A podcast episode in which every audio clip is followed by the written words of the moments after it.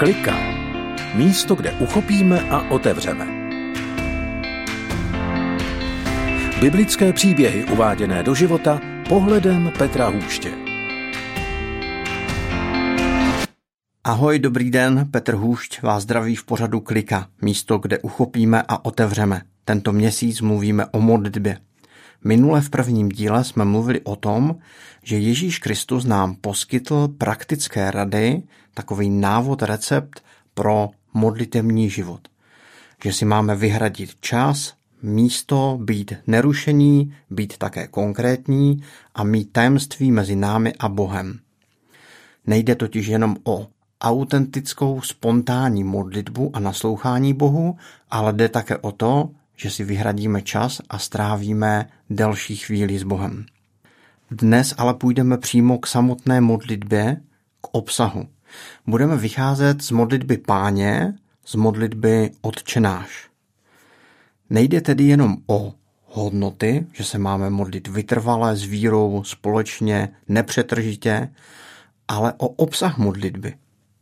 Rozdělil jsem modlitbu páně třikrát tři body tři věci ohledně oslovení Pána Boha, tři věci ohledně Božího království a tři věci ohledně našich potřeb.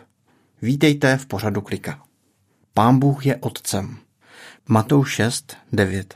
Otče náš, jen jsi na nebesích. Pán Bůh je Otec a my jsme jeho děti. Modlitba Páně, modlitba Otče náš, nemůže být modlitbou ateisty, protože tady neříkáme nějaký Bůh, ten Bůh, ale Bůh je můj otec. Pokud je Bůh můj otec, já jsem jeho dítětem. Přijal jsem to pozvání v osobě Ježíše Krista stát se božím dítětem. Bůh je otec. Pán Bůh není nějaký autoritářský despota, není to ani nějaký neškodný dědeček na mráčku, ale je otec. Otec chrání své děti, vede je, pečuje o ně, miluje je, dává jim hranice a také je vychovává. Bůh není jenom nějaký Bůh, ale je to můj otec a já jsem jeho dítětem.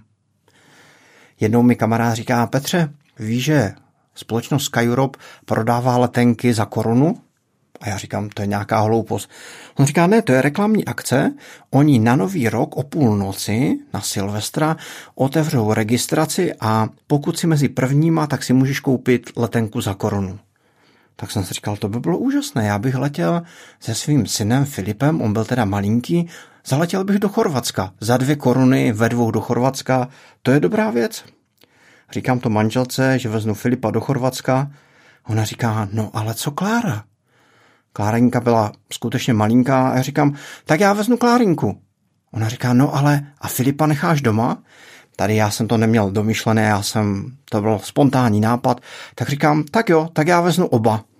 Jenže já jsem chtěl letět do Chorvatska, takže si tam až najdu nějaké bydlení a, a jídlo si veznu sebou.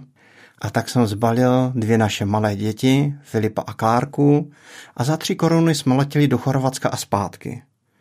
Když jsme doletěli do Zadaru, tak jsem byl v šoku, že k moři je to ještě 8 kilometrů. Měl jsem sice kočárek, měl jsem dva batohy a když jsem se zeptal taxikáře, tak taxikář řekl, že k moři to stojí 1800 korun.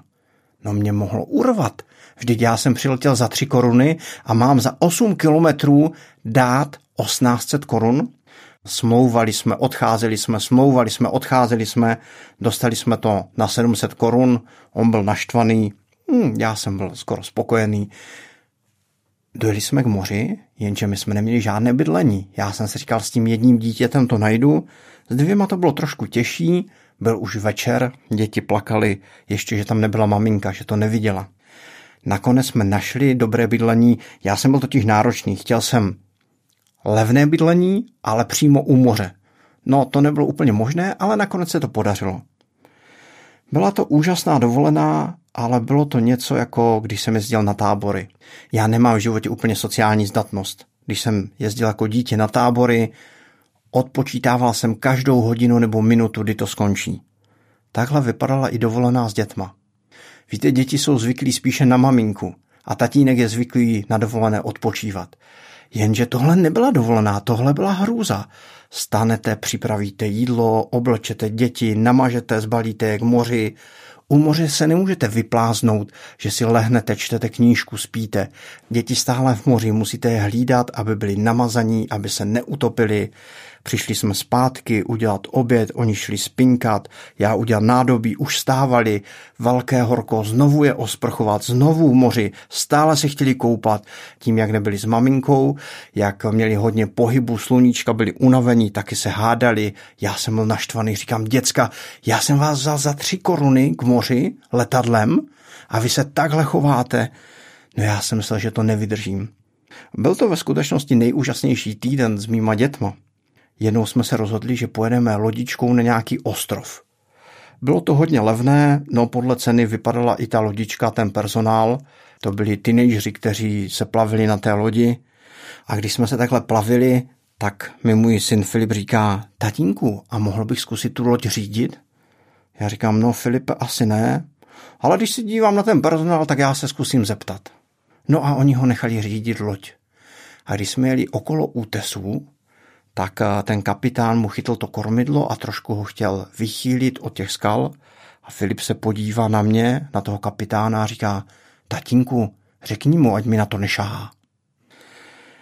Tak jsme nějak docestovali domů, asi 14 dní po téhle dovolené jsem měl s dětma vláčkem mezi Valašskou Polánkou a Brumovem, tam jsou dva tunely. A najednou v tom vláčku nikdo nebyl jenom my, a strojvedoucí a říkám, pane strojvedoucí, mohli bychom zkusit se podívat do kabiny? Za zeptání nic nedáte. A tak on říkal, jo, nikdo tady není, pojďte se podívat do kabiny. A tak jsme řídili taky vlak. Máme z toho i fotku. Když jsem přijel domů, tak manželka mi říká, prosím tě, tohle nedělej. Nebo se ta naše dcera nevdá. Já říkám, a proč, Věruš? No, protože podobného šílence už v životě nikdy nenajde. Proč povídám tak dlouhý příběh? Chci se vás zeptat, jak je možné, že jsem svoje děti vzal k moři letadlem, že bych pro ně udělal první i to poslední? No, protože jsem jejich otcem. Matouš 7, 11. Jestliže vy, ať jste zlí, umíte svým dětem dávat dobré dary, tím spíše váš otec v nebesích dá dobré těm, kdo ho prosí. Tady nám chybí příměr jestli my, i když jsme někdy zlí, dáváme svým dětem dobré věci, co teprve pán Bůh, který je dobrý, dá ty nejlepší věci svým dětem. Bůh je naším otcem a my jsme jeho děti. Pán Bůh chce nám dát dobré věci do našeho života. My se k tomu nemusíme nějak proskutkovat, promyslet, procítit. Nemusíme dělat dobré činy, být na tom filozoficky velmi zdatní, být silní spiritualisti, my můžeme jenom nechat Pána Boha, našeho Otce, aby o nás pečoval.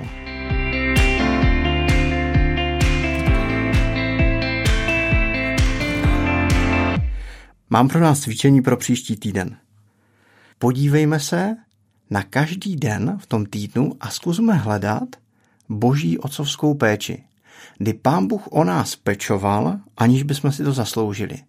Zkusme najít jenom jednu věc v jednom dni, kdy Bůh o nás pečoval jako o své děti, aniž bychom si to zasloužili.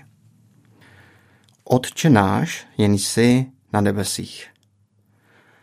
Bůh je otec, je to náš otec. Otče náš není modlitba ateisty, ale není to ani modlitba individualisty, protože říkáme Otče náš, ne Otče můj. Tím, že Pána Boha vnímám jako Otce a sebe jako dítě, tak jsem schopen taky vnímat druhé lidi jako duchovní sourozence. Na začátku našeho života je to tak, že o nás pečují druzí. Ale pak dozrajeme a jsme samostatní, jsme schopni pečovat sami o sebe. Zralost člověka ale není v samostatnosti, ale v tom, že jsme schopni pečovat o druhé. Otče náš, chléb náš, odpust nám, uveď nás. Modlitba páně je modlitba duchovní rodiny. Vnímám Boha jako otce, sebe jako dítě a ostatní jako své duchovní sourozence. Otče náš, jenž jsi na nebesích. Pán Bůh je. No tak to je jasné. Ano, někdy je to jasné a někdy nám to jasné není.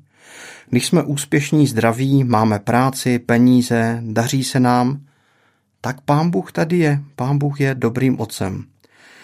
Ale někdy máme problémy, zápasy, nezhody, někdy nám něco chybí, jsme frustrovaní a máme pocit, že pán Bůh tady není. Jednou jsem jako dítě viděl takový obrázek, kdy byla černá roura, bílé kotě, které vlezlo do té roury, nad tou rourou svítilo sluníčko, ale to vevnitř vidět nebylo. A pod tím obrázkem byl takový krásný citát.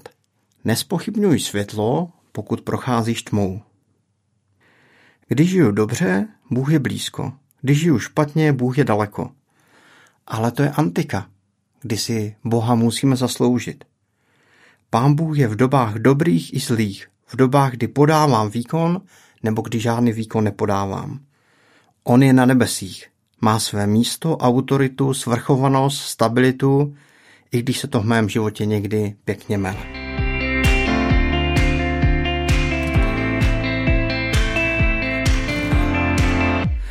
Tak co jsme se v tom dnešním díle o modlitbě, o tom, jak oslovovat Boha, který je naším otcem, co jsme se naučili? Pán Bůh je otec a já jsem jeho dítě. On chce o mě pečovat, aniž bych si to zasloužil. Není to můj otec nebeský, ale je to náš otec. Bůh mě učí vnímat také druhé, jejich potřeby, radosti a trápení. Bůh je na nebesích. Je v dobách dobrých i zlých. V dobách, kdy to prožívám a taky v dobách, kdy to neprožívám. Dali jsme si cvičení pro příští týden, že zkusíme v každém dni najít boží otcovskou péči, jednu nějakou maličkost, kterou jsme si ani nezasloužili. Petr Hůš se loučí z pořadu Klika, mějte se krásně a příští týden budeme mluvit o třech dalších věcech z modlitby páně a to je o božím království. Mějte se krásně.